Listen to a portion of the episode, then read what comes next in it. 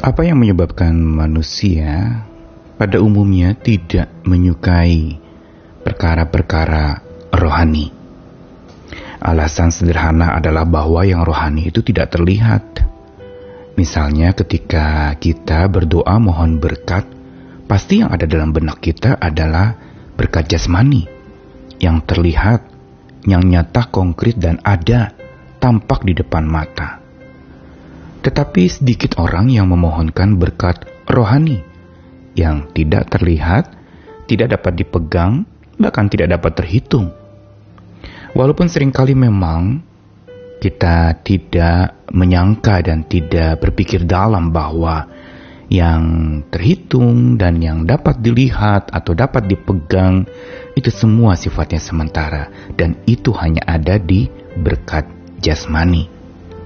Inilah sebenarnya pola pikir manusia yang mendasar, yaitu bahwa manusia memiliki sebuah aspek kemanusiaan yang natural, atau ini yang disebutkan sebagai satu jiwa manusia yang terlahir memang ada di bumi ini dengan segala macam kedagingannya.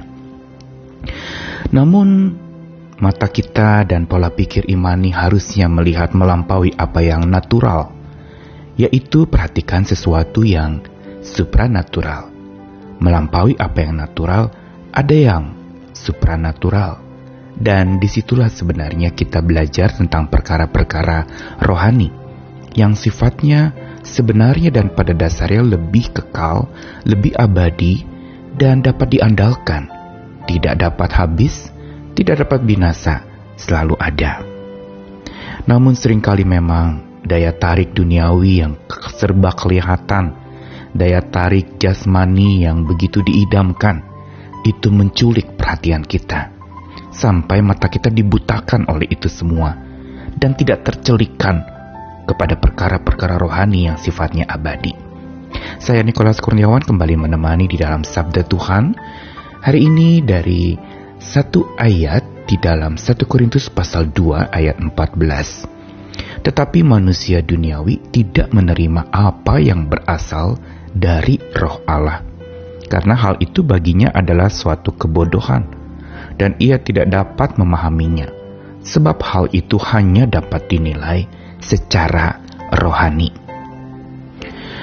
Satu ayat dari 1 Korintus pasal 2 ini merupakan satu teguran Rasul Paulus kepada jemaat di Korintus yang notabene adalah para pengikut Kristus tetapi mereka masih mengikuti cara pikir kedagingan mereka. Sehingga terjadi perselisihan antara mereka. Ada problem selisih di dalam jemaat yang memunculkan keributan, penggolongan-penggolongan yang terjadi justru di dalam satu tubuh organisasi dan lembaga yang ada. Dan di sinilah terjadi sebuah pengujian. Perselisihan selalu menyisakan ujian buat orang-orang yang berselisih. Paulus dengan tegas mengatakan bahwa bila mereka masih berselisih, mereka itu adalah manusia-manusia duniawi yang masih hidup menurut kedagingan dan tidak mau dipimpin oleh roh. Istilah yang digunakan oleh Rasul Paulus adalah psikikos. Dari kata psike atau suke itu bicara soal jiwa atau sebuah identitas natural yang dimiliki oleh manusia dalam hidupnya. Sesuatu yang bersifat fisik, sesuatu yang bersifat jiwa dan ini kontras dengan pneumatikos, yaitu manusia rohani.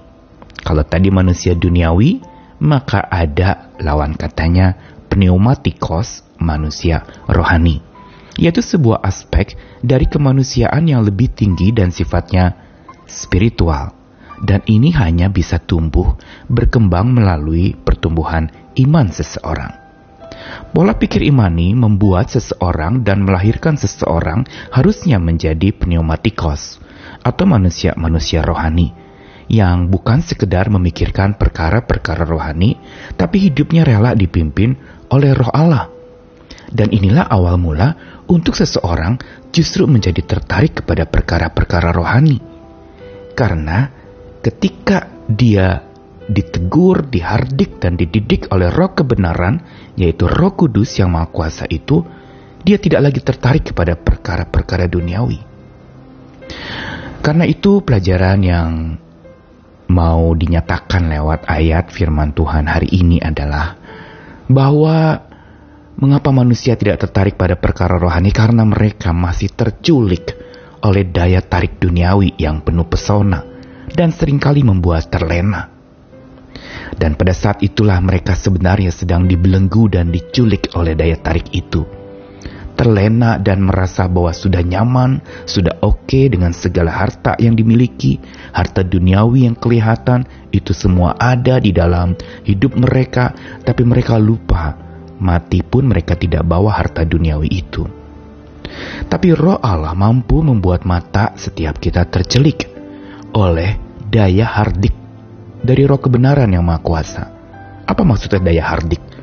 Teguran mengingatkan kepada kita bahwa yang dapat disandari bukan harta benda duniawi yang kelihatan, tapi harta surgawi dari Tuhan yang tak kelihatan tetapi bersifat abadi. Ini daya hardik oleh Roh Kudus yang menyebabkan kita tercelikan dan sadar Selain itu, roh kebenaran yang maha kuasa itu juga bukan saja menghardik, tapi dia juga mendidik kita. Agar di dalam celiknya mata kita kepada perkara-perkara rohani, kita makin bertumbuh secara rohani, makin dewasa, tidak dikuasai lagi oleh hasrat kedagingan kita atau keinginan duniawi kita, tetapi mengikuti akan keinginan dan pimpinan roh Allah. Sehingga kita tidak dibelenggu oleh keinginan-keinginan duniawi dan kedagingan, tetapi oleh tuntunan-tuntunan roh Allah yang memberi damai sejahtera, yang menenangkan, yang menyenangkan dan memenangkan hidup kita jadi pribadi-pribadi yang hidup hanya bagi Tuhan. Karena itu hari ini mari kita beri diri kita dicelikan oleh roh kebenaran itu yang membuat kita tidak lagi terculik oleh daya tarik duniawi yang penuh pesona dan membuat kita terlena. Tuhan mengasihi kita karena itu teguran, daya hardik, dan daya didiknya kita butuhkan agar kita makin dewasa di dalam Tuhan. Selamat jadi dewasa, kasihnya dan rohnya beserta dengan kita sekalian. Amin.